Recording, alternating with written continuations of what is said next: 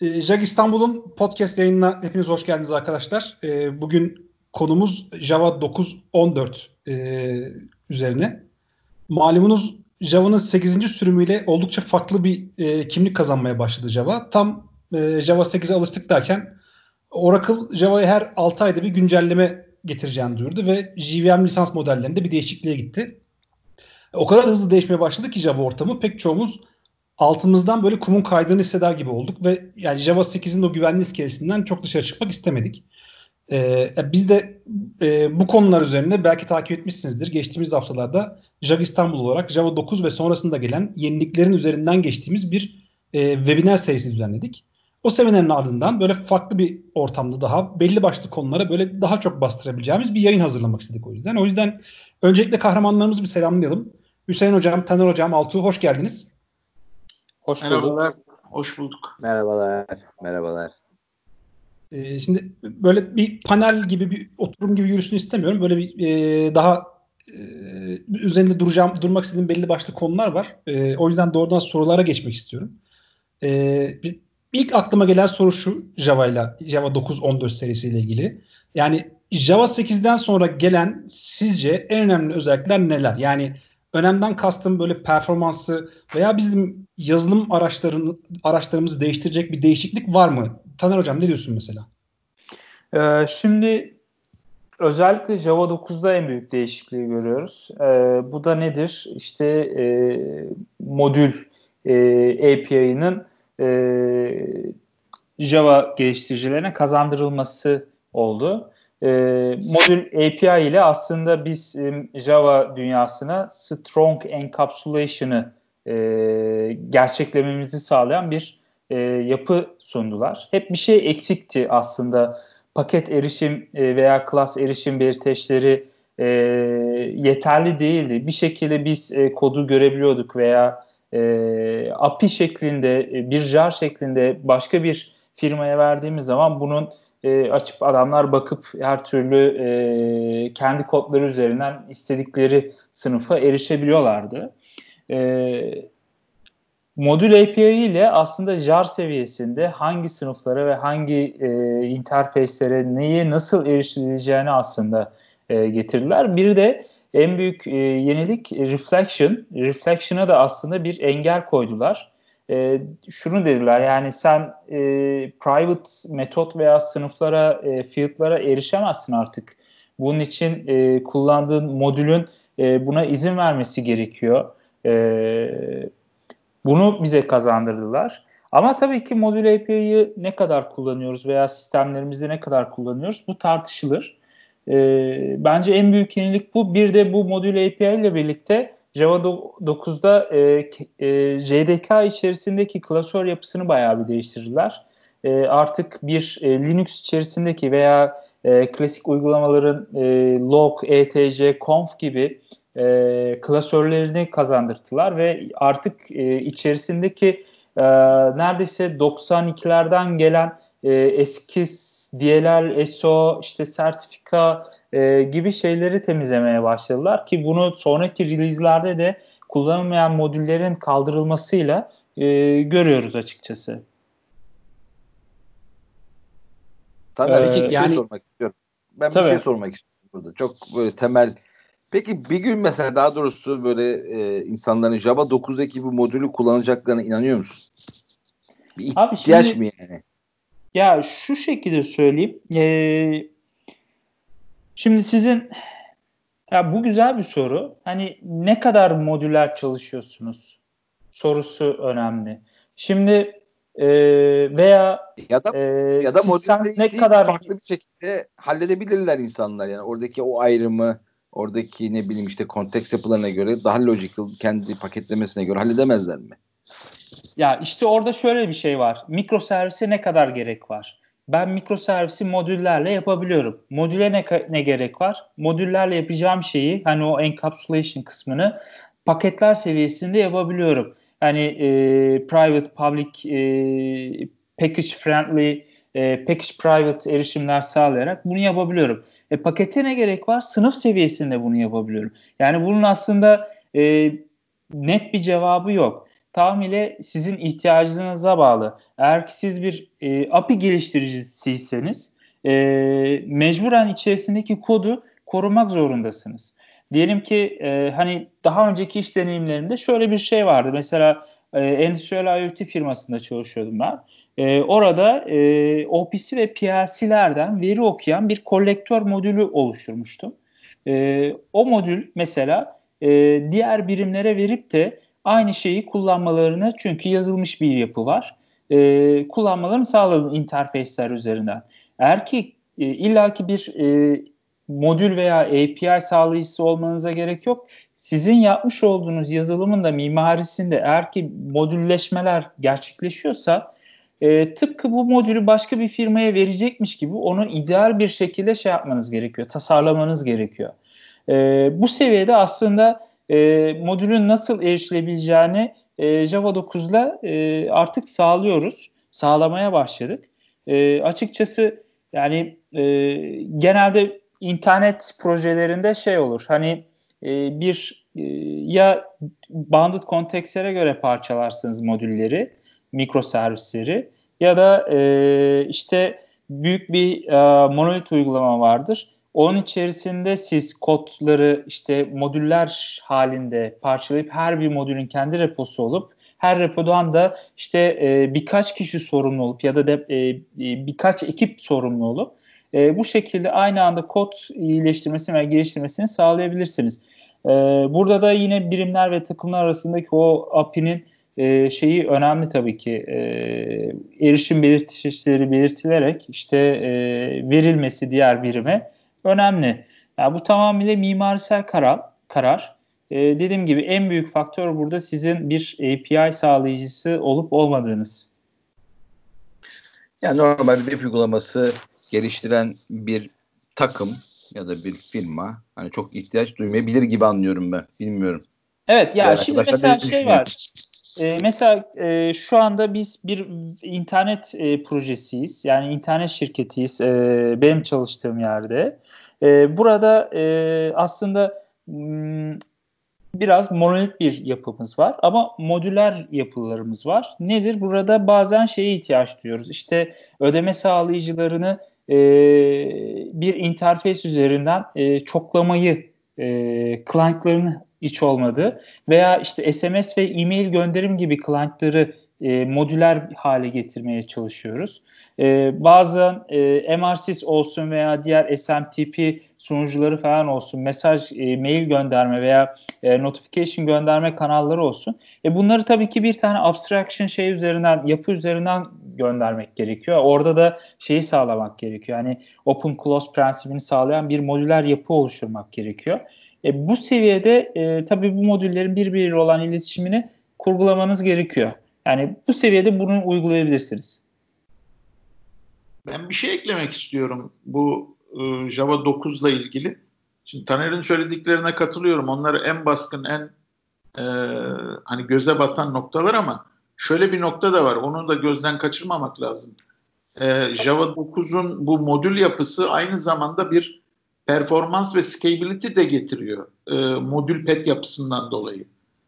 Yani class pet'teki bütün e, jar ve class'ların taranması gibi bir yaklaşımdan e, uzaklaşılıp işte bir uygulamanın ya da bir modülün diyelim daha doğrusu deklare ettiği bağımlılıkların ilgili modül pet'te aranıp yüklenmesi, sonra J-Link bu ilgili bağımlılıklarla ilgili bir imaj oluşturabilmeniz, bugün bu cloud e, ortamda, dünyada bunun taşınabilirlik, mobility'ye dönük e, hani pozitif katkısını da düşündüğümüz zaman sadece API geliştirimi ya da güçlü kapsülleme e, değil, aynı zamanda daha iyi performans ve scalability içinde Java 9 iyi bir alternatif, yani iyi bir e, hmm. seçenek. Yani şunu diyorsun hocam, JVM'in boyutunu düşürmek noktasında.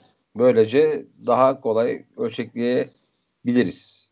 O iki, ikinci boyut. Birinci boyutta da normal e, bizim e, yani sunucularımızda ya da makinamızda e, PC'mizdeki uygulamanın performansı da daha iyi olabilir. Çünkü dediğim gibi e, artık deklare ettiğiniz bağımlılıklar e, belirttiğiniz pette yolda aranıyor. Onlar yükleniyor. e, yani e, bunun da performansa olumlu katkısı e, kaçınılmaz. Biz küçük ölçekli düşünmeyelim. Burada büyük ölçekli düşünelim. E, böyle bir durumda çalışma zamanında hani e, binlerce isteğin söz konusu olduğu e, yapılar düşünelim. İşte ticaret, e-ticaret siteleri olabilir, sosyal medya vesaire olabilir. Hani burada biliyorsunuz küçücük bir optimizasyon totalde sistem kaynağı tüketimi açısından çok faydalı olabiliyor. Dolayısıyla modül pet e, bu açıdan da bence cazip bir seçenek. Yani modüler API. Enteresan evet. Doğru doğru noktalar bunlar. Ya bir de şey de var tabii ki yani şu anda Java e, kullandığımız genel common e, API'ler olsun. E, bunlar e, modüler yapıya geçmediler. Sadece e, destekliyorlar, ready durumdalar. Onda e, manifest e, dosyası üzerinden e, modül name'ini verip eğer ki siz bunu modül pt koyduğunuz zaman otomatik olarak bir e, automated e, modül haline dönüşüyor. Ama içerisindeki bütün paketler erişilebilir oluyor tabii ki. O yüzden e, şu anda daha API sağlayıcıları da çok e, böyle net bir şekilde şeye geçiş yapmadılar. Modüler yapıya geçiş yapmadılar. Modül API'yi kullanmadılar. O, aslında, o yüzden sordum ben aslında yani var mı ihtiyaç çünkü biraz ağır gidiyor o tarafta. Aslında bu Taner'in söylediği aggregation'ı kolaylaştırmak için sağlanmış bir şey. Bu teşvik edici olması beklenirdi ama olmadı. Ee, evet. Yani, ya özellikle e, ben şeyde gördüm. Şimdi e, bizim e, şu andaki bir legacy e, Java job'larımız var, worker'larımız var. E, Spring Boot üzerine kurgulu ve Apache Camel kullanılmış mesela. E, bunu uzun zamandır biz şey yapmıyorduk, e, dokunmuyorduk yani versiyonu falan arttırmıyorduk ama geçenlerde ben bir arttırabilir miyim diye e, denemek istedim. E, arttırdım e, Spring Boot'un versiyonunu da arttırdım. Java'nın versiyonunu da arttırdım. Ama Apache Camel seviyesinde çok büyük bir gol yedim. E, biz bir küsür versiyonunu kullanıyorduk. Aslında eski bir versiyon. Sonrasında iki versiyonu ve şu anda da üç versiyonu var Apache Camel'ın. Ve oradaki e, değişiklikleri gördüğümde şu yazıyordu. Yani özellikle 3 versiyonu ile birlikte e, modül, modül API'sini kullanmaya başlamışlar. Ciddi şekilde e, ve ellerindeki bütün Maven modüllerini e, Java modüllerine dönüştürmüşler ve çok ciddi e, değişiklikler yapmışlar. Bu da tabii ki e, çok ağır bir şekilde şeyi değiştirmek zorunda bıraktı benim. E, kod seviyesinde e tabii yani versiyonu arttırdım. E, kod seviyesinde bayağı bir değişiklik yapmak zorunda kaldım. İşte yazılan unit testler falan patladı. E, işte orada da e, versiyon geçişlerindeki dokümanlar sağ olsun e, yardımcı oldular bana. E, kolay bir şekilde yani bir, bir saat iki saatlik bir süre içerisinde ben geçişi yaptım. E, unit testlerimi çalıştırdım. Hepsi geçti. E, yani aslında senin sorduğun diğer bir konu şey vardı. Hani e, bizim geçişimizi etkileyecek veya engelleyecek neler olabilir?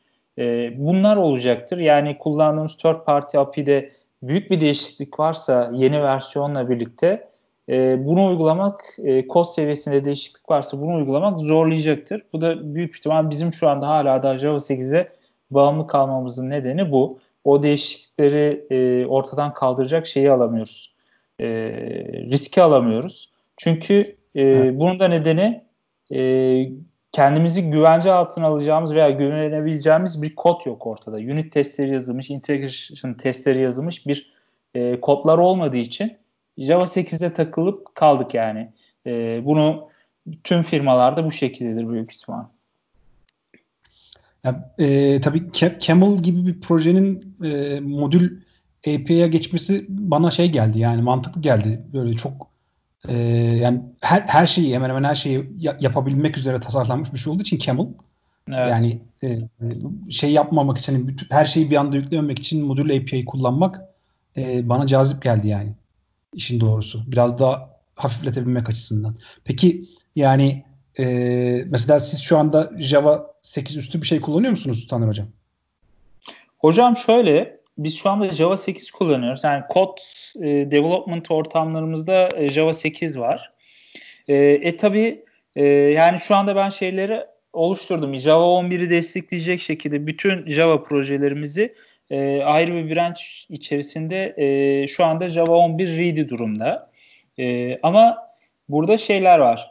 Yani Docker ortamlarıdır. E, konteyner ortamları, ondan sonra sizin e, test release ortamlarınızda e, çünkü bazı projeler Java 8'de kalacaktır, eski versiyonda kalacaktır.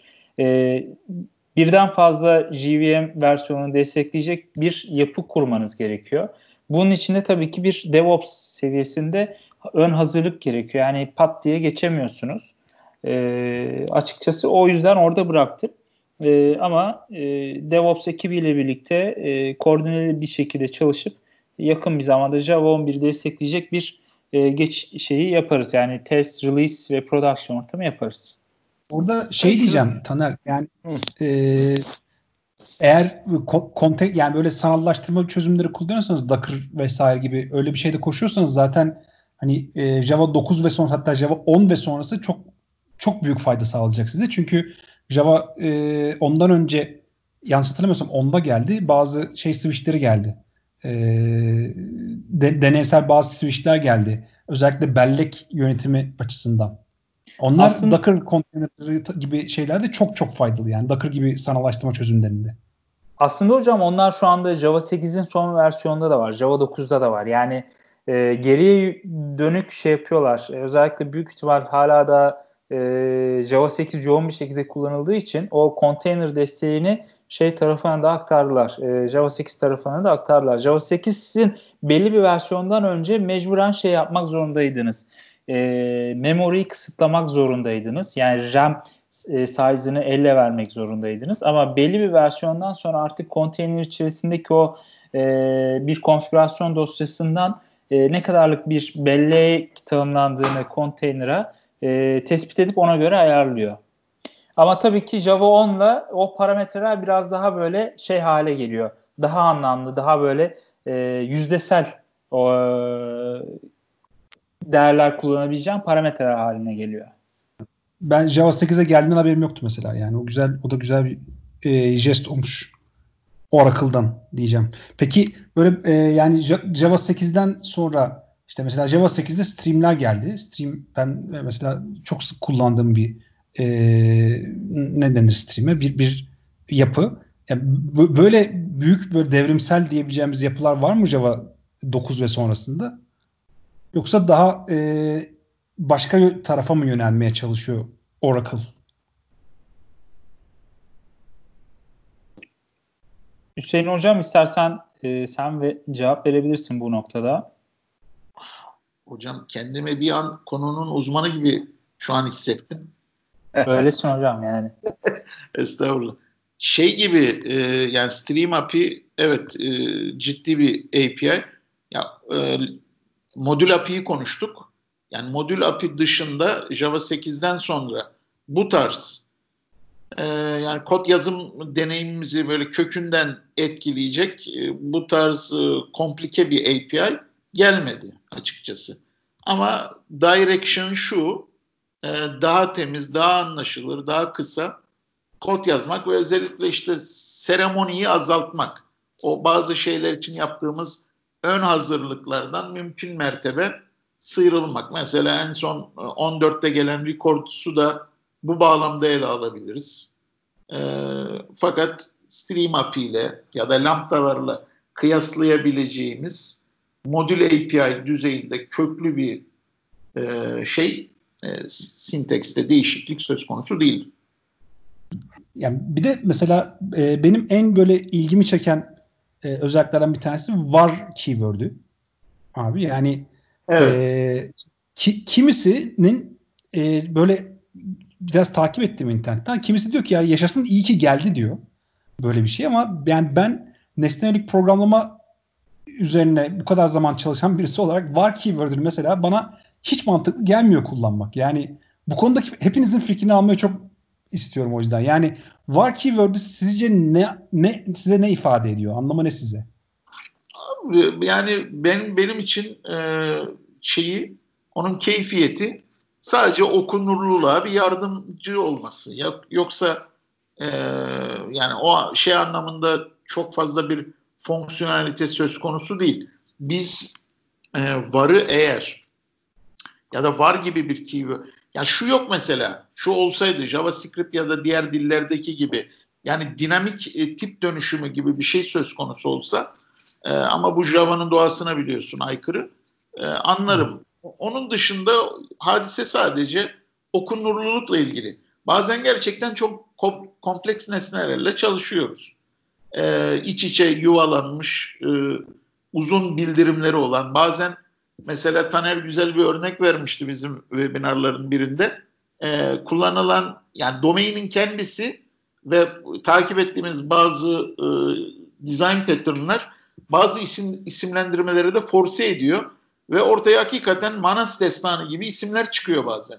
Şimdi sadece tip de değil, şeyin ismi, e, nesnenin ismi de bazen hakikaten sıkıntı olabiliyor. E, böyle bir durumda daha okunabilir varla, var keyword'üyle daha okunabilir e, bir kod yazma olanağımız var.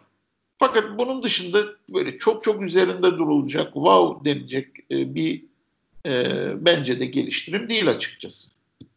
Ama yani okunabilirliğe katkısı olduğunu düşünüyorum. Ya ben, art, artısı da var, eksisi de var. Benim söyleyeceğime katılıyorum. Evet yani varın artısı okunabilirlik ama diğer taraftan hani o neydi acaba o değişken diye bir geri dönüp bakma ihtiyacı da doğurabiliyor.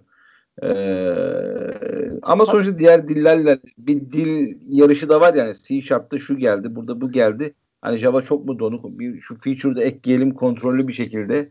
Hani dilin özelliklerinin böyle bir yarışa da girildi. Ee, çünkü her 6 ayda bir de mi yanılmıyorsam yeni bir Java versiyonu çıkacak diye bir taahhüt var. Ee, bilmiyorum ne düşünüyorsunuz bunun hakkında? Hani gerekli miydi böyle bir şey? Zoraki mi zorlama mı bir itekleme var burada gibi geliyor bana. Şunu yapmaya çalışıyorlar sanırım hocam. Bunu e, kendileri de açık o release notlarında vesaire açıkça söylüyorlar. Şimdi 7 ile 8 arasında, 8 ile 9 arasındaki hani muazzam değişiklikleri düşünün ya da 6'dan alalım hatta. Yani 6'dan sonra 7, 7'den sonra 8. Burada gerçekten hazmı da zor, adaptasyonu da zor e, ciddi değişiklikler olmuştu. Şimdi böyle biraz daha agile bir hani sizin seveceğiniz, sevdiğiniz terminolojiden gidelim. Burada biraz daha çevik bir e, yeni bir düzene geçildi gibi. Bunun faydalı olduğu kanaatindeyim. Hocam şöyle bir şey var. Bir de e, yani senin dediğin gibi önceden iki sene beklerdik. Bir, bir, sene, bir buçuk sene falan beklerdik ve çok büyük değişiklikler olurdu. E, Mesela şey var. Şu hmm, neydi JavaScript engine'i kal mı? Hı? Nashor. Evet, evet Nashor, Nashor. Java 8'de geldi. Büyük ihtimal çok büyük bir emek e, sarf edildi onun için. E, ama e, sonrasında kullanılmadığını görerek şu anda Java 14'te sanırım onu şey yaptılar. E, deprecate haline getirdiler. Ha, pardon. Java 11 ile deprecate hale getirmişler e, ileriki Java 14'ten sonraki versiyonlarda büyük ihtimalle kaldıracaklar. Yani o kadar emeği e, zamanı harcayıp da e, birkaç sene sonra, bir iki release sonrasında kaldırmak bence e, üzücü.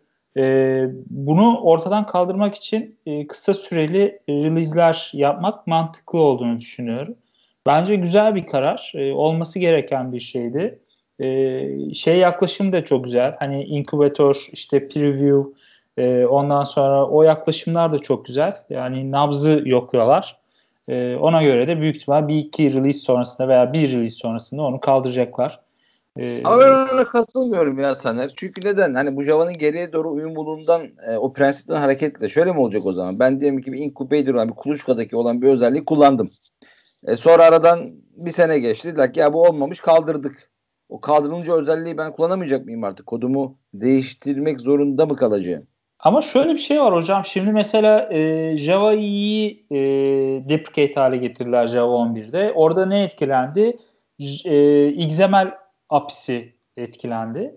Ama onu hala sen e, bir yerden bulup şey yapabiliyorsun. Yani mesela Spring Boot'un yeni versiyonuna geçtiğin zaman burada gol yiyoruz. onu yine e, Maven'ın reposundan e, bulup e, kullanabiliyoruz ve rahat bir şekilde ilerleyebiliyorsun. E, hani bu Nashorn'u kaldırdığı zaman da büyük ihtimal e, geri uyumlu olan e, ya da eski e, projeler yeni versiyona çıkarken o Nashorn engine'i büyük ihtimal bir yerlerden bulacaklardır. Ya bence olması gerekiyor abi. Çünkü neden? E, görüyoruz yani Java'nın e, 9'daki o işte eskilerden kurtulma kararını almasından önce büyük ihtimal Java 1'den itibaren kötü. Her şey içeride sırf geri, geri uyumlu olabilmek için. E, bir şekilde temizlik gerekiyor ya. Zaten şunu taahhüt etmiyorlar o tarz e, feature'larda. Yani onu belirtiyorlar. Bu kaldırılabilir. Bu yani bir deneme, test ama bir test sürüşü gibi. Bunu en baştan adamlar söylüyor. Preview'lar için, inkübatörler için. Dolayısıyla hani e, şeyle bizim e, aşina olduğumuz bir tabirle sağlam kaza deveyi bağlamak istiyorsak zaten bu tarz e, feature'lar üzerine çok önemli şeyler inşa etmememiz lazım. Onlar standart olmadan önce. Production için uygun şeyler değil yani. Evet. Ya ben de şöyle bakıyorum bu 6 ayda bir yeni e, sürüm çıkma. Şimdi bunu e, mesela e, bir zamanlar Angular takip ediyordum. Angular da en son takip ettiğimde öyle yapıyordu. Muhtemelen hala öyledir. Yani 6 ayda bir bir major sürüm e, çıkma gibi bir şey. E, mesela JavaScript'e bakıyorsunuz. İşte JavaScript'in 5. E, e, versiyonu 5th Edition 2009 yanlış hatırlamıyorsam. 2009'da çıktı. E, ondan sonra bir 6 yıl boyunca bir şey çıkmadı. ECMAScript 15 gelene kadar. Şimdi her sene bir ECMAScript şey geliyor. Yani bir JavaScript standardı geliyor ve e, yani standartlar arasında oldukça da fark oluyor. Yani bir kullandığımız teknolojiler, e, ortamlar o kadar hızlı değişiyor ki o kadar çok adapte olmamız gerekiyor ki pek çok şeye. E, yani kullandığımız programlama araçları ve dilleri de buna be- belirli bir yerde uyum sağlamak zorunda. Bence. O yüzden e, evet biraz community'yi ittiren böyle üzerine bas, baskı yapan 6 ayda bir bir şey çıkmamız lazım. İşte yeni bir şeyler çıkarmamız lazım e, diye biraz baskılıyor şeyi yani community'yi biraz üzerine baskı kuruyor ama bence bu kötü bir baskı değil. Yani e, tabii ki insanların bunu ayıracak zamanı ve enerjisi olduğu sürece veya şirketler buna bir şekilde destek olabildiği sürece diye düşünüyorum. Benim başka bir fikrim de şu var. Yani kısa sürümlerle küçük değişiklikler aslında çok büyük değişiklikler gelmiyor. Hep 4-5 tane değişiklik geliyor. Evet. Bu 4-5 tane değişikliği uygulamak çok e, bir maliyetli olmayacaktır ama 2-3 sene böyle çok büyük değişikliklerle gelen bir e, yeni versiyonu senin e, code base'ine uygulamak çok maliyetli olacaktır. Bir kere öğrenmen gerekiyor. Özellikle Java 8'e geçiş sürecinde o stream API'si olsun, e, işte lambdalar olsun onu öğrenmemiz gerekiyordu ilk başta ve daha sonra e, bunu uygulamaya başlamamız gerekiyordu. O biraz sancılı oldu açıkçası. E şimdi de Java 8'den sonraki değişikliklerde burada da büyük ihtimal şeyden kaynaklanıyor. Bu e, kullandığımız frameworkler, ondan sonra editörler. Şu anda mesela hani e, IntelliJ'nin yeni versiyonunu geçmek istediğimiz zaman eğer ki lisans kullanmışsak e, geçemiyorsun. Yani lisansını yenilemek zorunda kalıyorsun. Bu da büyük bir ihtimal engel olarak düşünebiliyorum. E, ama dediğim gibi hani kısa release'lerin böyle bir faydası var. E, değişikliklere kolay adapte olabilmek anlamına. Peki Taner şunu diyebilir miyiz? Java 14'e geçmeyen, kullanmayan bir firma artık çok geç. Java 8 artık dönüş yapamazsın gibi bir şey çıkıyor mu ortaya? Mesela Java 8'de adam hala 9'a geçmemiş. 10'a geçmemiş. 11, 12, 13, 14 geldi. Hala geçmiyor. O zaman treni Abi, kaçırmış diyorlar. Yani 15 olacak, 16 olacak, 17 olacak. Yani ve e, kullandığımız, bağımlı olduğumuz kütüphaneler de sürekli bunlara adapte oluyor. Şimdi bunların da büyük değişiklikleri oluyor, breaking change'leri oluyor her birinin teker teker takibini de yapmak zor. E, ki geriye yönelik de şey vermiyorlar, destek vermiyorlar artık. E, belli bir release'den sonra destek veriyor. Hani hem Java hem e, kullandığımız API'ler. E, bu noktada her zaman kodumuzun yeni versiyonu hazır hale getirmemiz gerekiyor. Yani buradaki en büyük değişiklik hangisi? Yani burada e, Java 11 e, de LTS var e, long term support var. Yani en azından Java 11'e geçmemiz gerekiyor. Ama Java 14'teki veya yeni gelen versiyonları da bir kere denememiz lazım. E, denemeden onları değişiklikleri göz ardı etmek olmaması gerekiyor. Etmemeliyiz. E, en azından Java 11'e gelmeli yani bütün projeler. Bir de ben şunu eklemek istiyorum. Aslında Java 8 kullanan bir firma için bu geçiş sürecinde hani sürtünmeli olacak kısım 9'dur. Ee, yoksa örneğin şu an 9 kullanan bir firmanın 14'e, 13'e, 12'ye aradaki herhangi bir e, sürüme geçişinde herhangi bir sıkıntı yaşayacağını ben sanmıyorum. Dolayısıyla belki şöyle bir e, yol da önerilebilir. Aslında önce bir e, Java 9'a geçilmeli.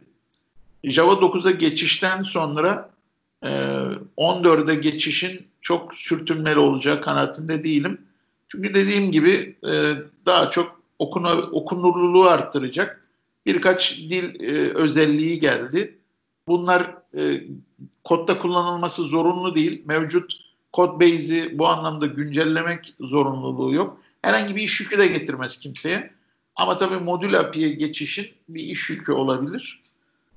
Ee, hani hocam dedi ya geç çok mu geç kalınmış gibi. Aslında 9'a geçilebiliyorsa o ihtimal varsa ki her zaman vardır. Yani 14 için yarın öbür gün 15-16 çıkacak. İşte onlar için bence bir geç kalınmışlık söz konusu değil. Hocam benim korkum Java seviyesinde değil. Ya anladım, bildin mi? Yani Java seviyesinde her türlü yeni versiyona geçersin.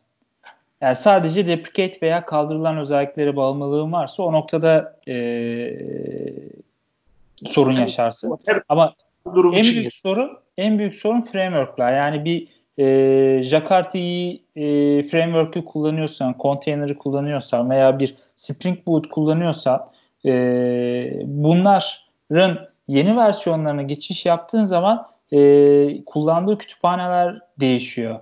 İçerisindeki bazı e, kod seviyesinde değişiklikler oluyor. İşte nedir? E, bu binary kod seviyesinde değişiklik yapan kütüphaneler var. Özellikle Hibernate veya Spring Boot proxy klasların oluşturulması için bunları kullanıyor. Yani buralarda hep gol yediğimiz noktalar bunlar. Özellikle benim yaptığım şey şu. E, gidiyorum ben e, özellikle Spring Boot'un e, sitesinden en son versiyonu seçiyorum ve Java'nın da e, istediğim hedefin işte Java 11'i seçip e, indirdiğim paketteki tüm pak e, dependency'leri kendi projeme uyguluyorum. E, sonrasında artık çalıştırdığım seviyede e, patlayan yerleri düzeltiyorum. Mesela bunu geçen hafta yaptım ben.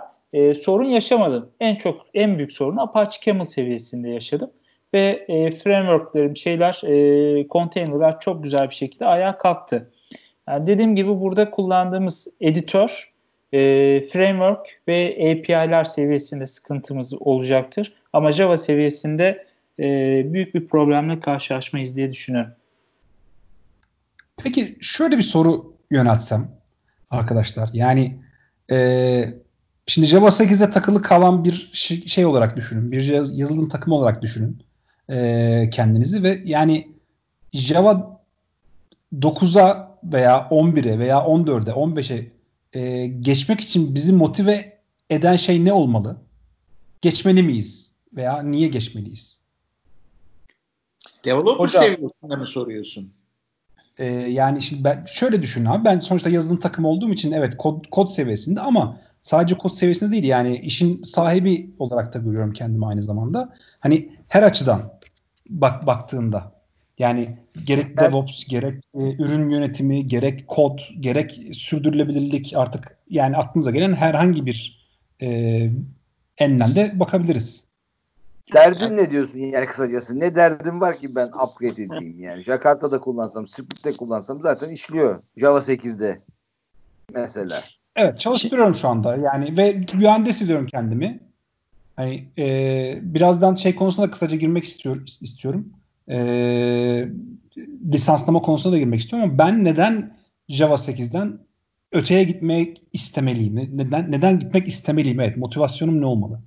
Ama modül zaten kullanmak istiyorsan geçmelisin mesela. O, o bir mesela bir cebe koyalım hani performans ve hızlandırma için. Yok zor zorunda değilim sonuçta. Yani kolumu yazıyorum ve çalışıyor. Herkes memnun.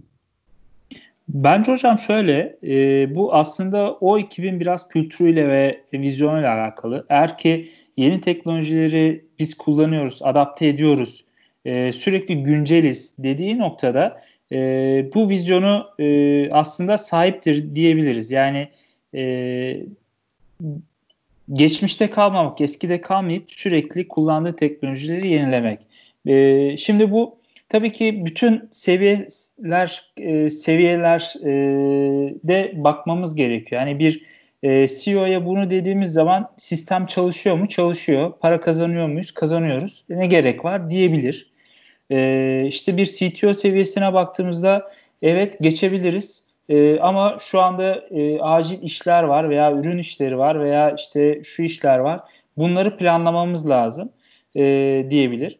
Ekip seviyesinde baktığımızda da ekip mutlaka geçmek isteyecektir. Çünkü e, motivasyonları e, bu seviyede e, olumlu olacaktır. E, yani Java 8'de de artık Java 9, Java 10, Java 11 çünkü önlerindeki olan bir challenge'ı engeli aslında aşıyorlar. E, yani bu gözle bakmak lazım ama eğer ki biz yeniliği takip ediyorsak, e, yeniliği uyguluyorsak e, her e, departmanında, her birimde ve her e, kod seviyesinde o zaman bu geçişleri ve en güncel e, versiyona getirmek gerekiyor. E, çünkü yani şeyler de aynı şekilde hem DevOps seviyesinde hem diğer tek, e, seviyelerde işte e, yeni şeyler çıkıyor ortaya. E, bunlara adapte olabilmek lazım. E, yani çağın gerisinde kalmamak gerekiyor. E, açıkçası benim için şudur yani e, bir meetup'a gittiğim zaman işte Java 11 kim kullanıyor? Hani ben orada elimi kaldırmak isterim açıkçası. Bu da bir başka bir motivasyondur. E, ben bu şekilde söyleyebilirim. Ben e, söylediğin şeyin çok önemli olduğunu düşünüyorum. E, ben genellikle çürüme kavramını kullanıyorum. Developer çürümesi diye bir hadise var. Şimdi e, söylediğin gibi bir yaklaşımda hani e, çalışıyor, para da kazanıyoruz, ne gereği var gibi bir yaklaşım zamanla iki sonuç doğuruyor benim gözlemime göre. E, bugüne kadarki kısıtlı, sınırlı işte tecrübeme dayanarak konuşuyorum. İki şey oluşuyor. Bir, o proje ve şirket developer'ın akvaryumuna dönüşüyor. Developer sadece o akvaryumda yaşayan, e, akvar dünyası o akvaryumdan ibaret olan, dışarıda ne olup bittiğinin farkında olmayan, hatta dışarıda yaşayamayacak duruma geliyor. Bu çok kötü bir şey. İkincisi de şirket için çok kötü bir şey. E, kendi eliyle bir Godzilla oluşturuyor aslında e, mevcuda dokunma, e, işte çalışıyor, elleme vesaire. E, sonrasında artık e, o tuğlaların üzerine o kadar yükleniyor ki duvarda küçük bir tadilat yapmaya yapacaksınız. E, tuğlayı çektiğinizde bütün duvar, bütün bina yıkılacak mı diye endişe ediyorsunuz. Dolayısıyla ben e, hem şirketler için hem developerlar için up to date olmanın hani bir lüks değil gereklilik olduğu kanaatindeyim. Aksi takdirde e, developer çürür, e, şirkette kendi eliyle bir Godzilla oluşturur. Sonra o canavar onu yönetmeye başlar maalesef yani. Ee, ben ekstra... bir şey eklemek istiyorum burada. Hı, tabii hocam. Ee, yani e, ya burada bir, bir de konfor alanı kavramı var hani Gökalp'in dediklerinden hareketle hani zaten mutluyum bir şeyim yok ama hani o konfor alanının her zaman için yıkılması lazım. Belki ilk etapta rahatsızlık verebilir ne gerek var olabilir ama Hüseyin Hocam'ın söylediği gibi yani o akvaryumdan çıkmanın bu yolu da bu yenilikleri takip edilmesi. Çünkü diğer taraftan da hani performans olarak farklı noktalardan faydaları olacaktır. Ama riske atmadan tabii güvenli bir şekilde o dengeli gitmek çok önemli. Çok önde gitmek de belki sakıncalı olabilir. Örneğin bir banka mesela bir bankacılığın çalıştığı bir GBM'i değiştirmek kolay değildir. Onu da anlayışla karşılamak lazım. Ama sürekli experimental modda gitmekte fayda var dengeli bir şekilde.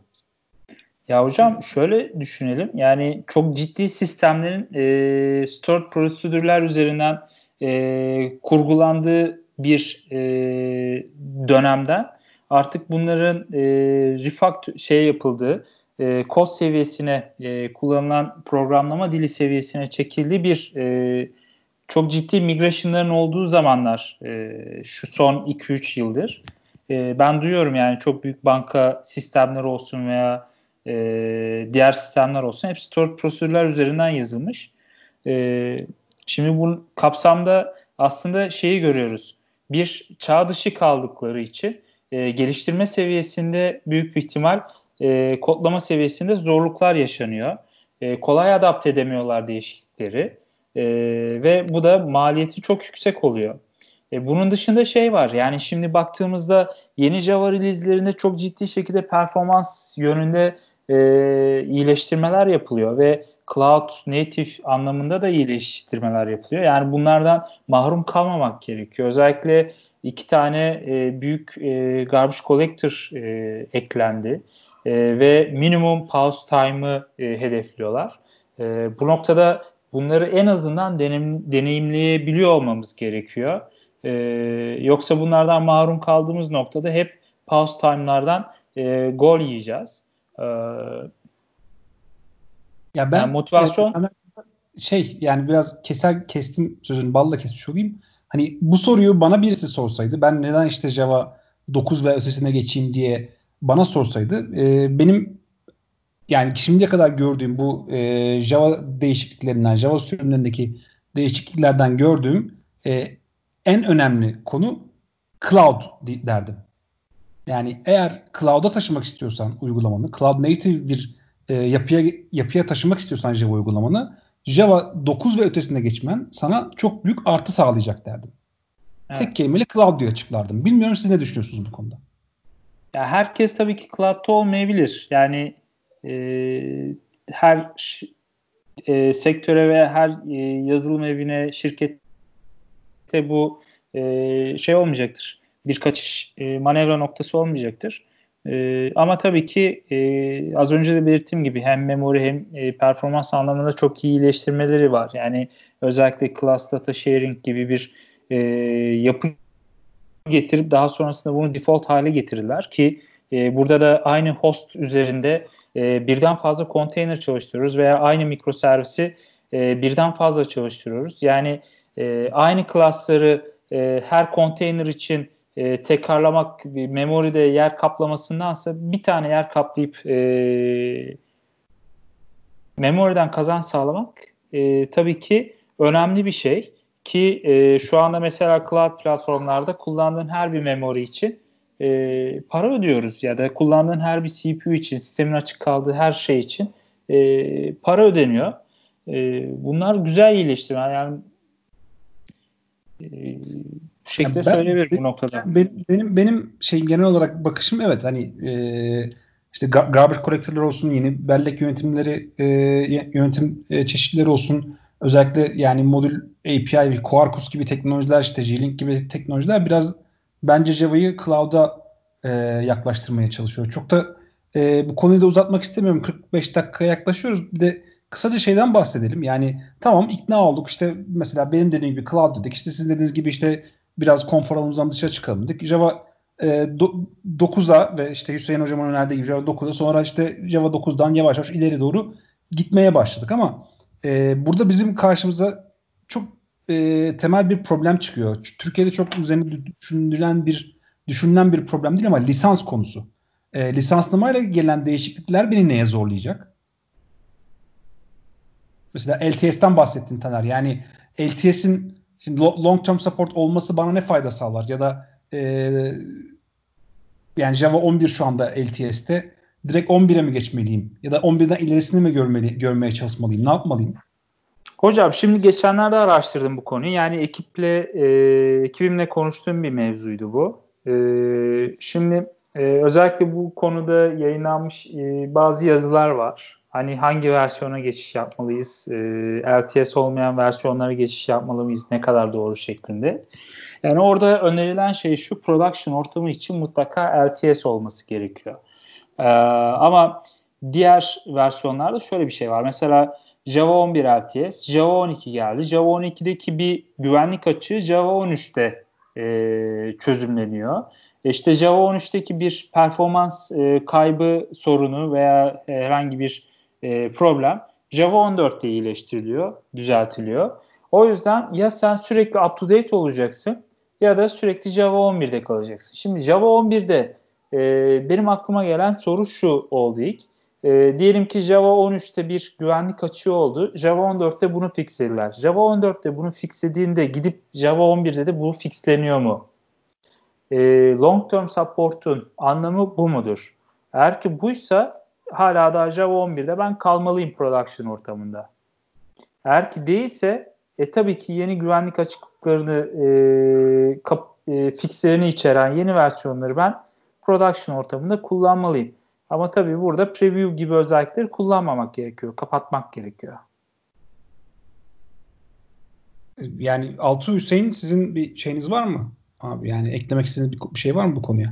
Veya farklı bir perspektifiniz? Yani genel olarak ben katılıyorum Taner'e ama e, lisanslama konusuyla ilgili e, yani ekstradan söylenebilecek sadece şunu söyleyebilirim. İyi ki o OpenJDK projesi de var. Yani onun olması evet onun olması da açıkçası yaşasın yaşasın topluluk. evet yaşasın community yani çünkü e, o olmadığında belki bugün aklımıza gelmeyen ya da yok canım olmaz öyle şeyler dediğimiz bazı şeyler belki yaşanabilirdi. Ben sadece onu söylemek istiyorum. İyi ki OpenJDK var. Yaşasın kodcuların kardeşliği. E, öyle öyle. Yani açık ben source, şunu, open source iyidir. Open source evet. Yani ben her zaman Java'nın bu şeyini sevdim hani bu lisans konusunda bir firma kendisine göre bir karar alabilir. Yani Oracle'ı da burada ben direkt eleştirmek istemiyorum. Firmadır. Ticari kaygıları vardır. Eyvallah. Ama şey güzel o vendor locked in yani Türkçesi e, nasıl bağımlı bir satıcıya bağımlı olmama prensibinin e, yaklaşık olarak bir 21 yıl olmuştur bu sektörün içerisinde. Bu Java'da gerçekten bu gayet iyi işliyor şu zamana kadar. Kimsenin tekelinde değil. Ee, ki zaten bu Java Enterprise Edition konusu da Eclipse Foundation'a devredildi. Yine bir topluluk çerçevesinde. Java'nın temel, işte Java Community Process var, Eclipse Foundation var. Ee, bunlarla beraber lisanslama noktasında kullanıcıların minimumda başı ağrıyacaktır. Ama tabii support almak isteyenler varsa da illa yani bu noktayla ilgili olacaktır. Büyük, e, büyük firmalar ilgili vendorlara gidip rahatlık alabilirler. Ee, yani evet bu platformların olması çok önemli. Çünkü Java sadece bir dil değil yani bir e, ekosistem. Evet.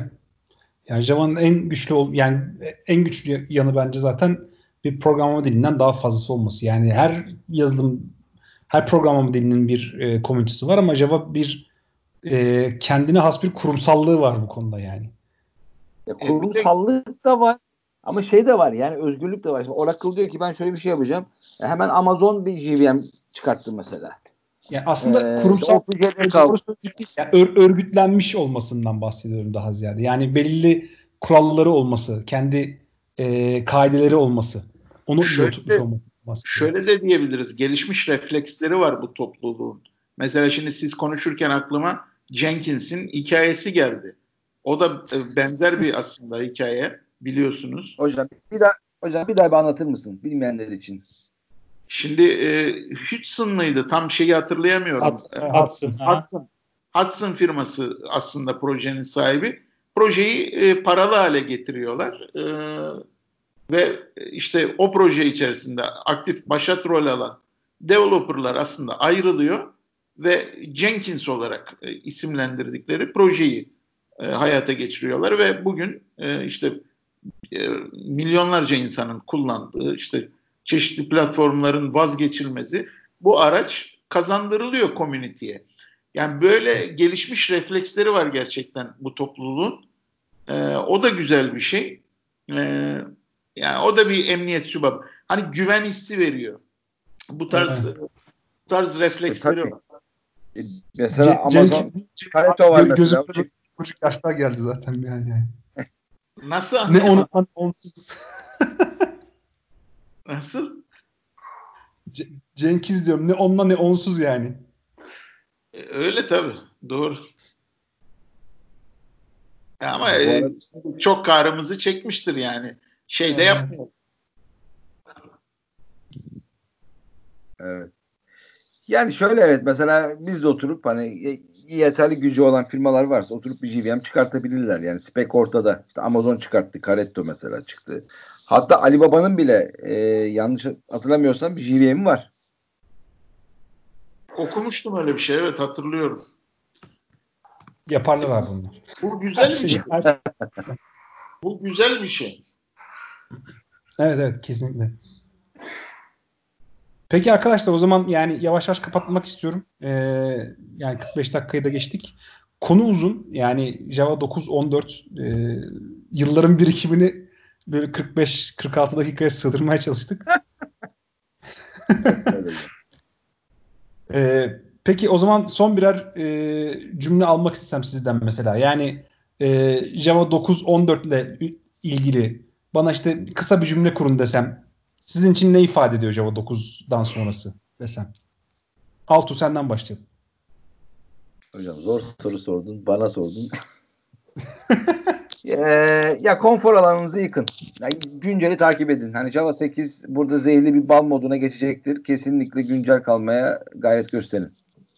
Derim. Taner. Aa, ben de derim ki özellikle yeni garbage collector'ları denemek için yeni versiyonları kullanmaya mutlaka özen gösterin, e, gayret edin derim. Hüseyin. Valla ben de daha temiz, daha anlaşılır, daha açık e, kod yazmak, daha yönetimi kolay kod yazmak için kesinlikle sürümleri güncelleyin, e, upgrade edin kendinizi de ortamınızı da derim. Evet, Peki, ben de sen, evet. Nasıl abi? Sen ne dersin? Ben derim ki yani e, bütün ekosistemler değişiyor. Yani sadece Java değil, bütün ekosistemler e, değişiyor ve cloud'a çok büyük bir yönelim var. Eğer bu rüzgardan, bu dalgadan, e, dalganın altında kalmak istemiyor, onu onun üzerine surf yapmak istiyorsanız Java 9 ve sonrasında mutlaka geçin diyorum ben de. O zaman Peki arkadaşlar.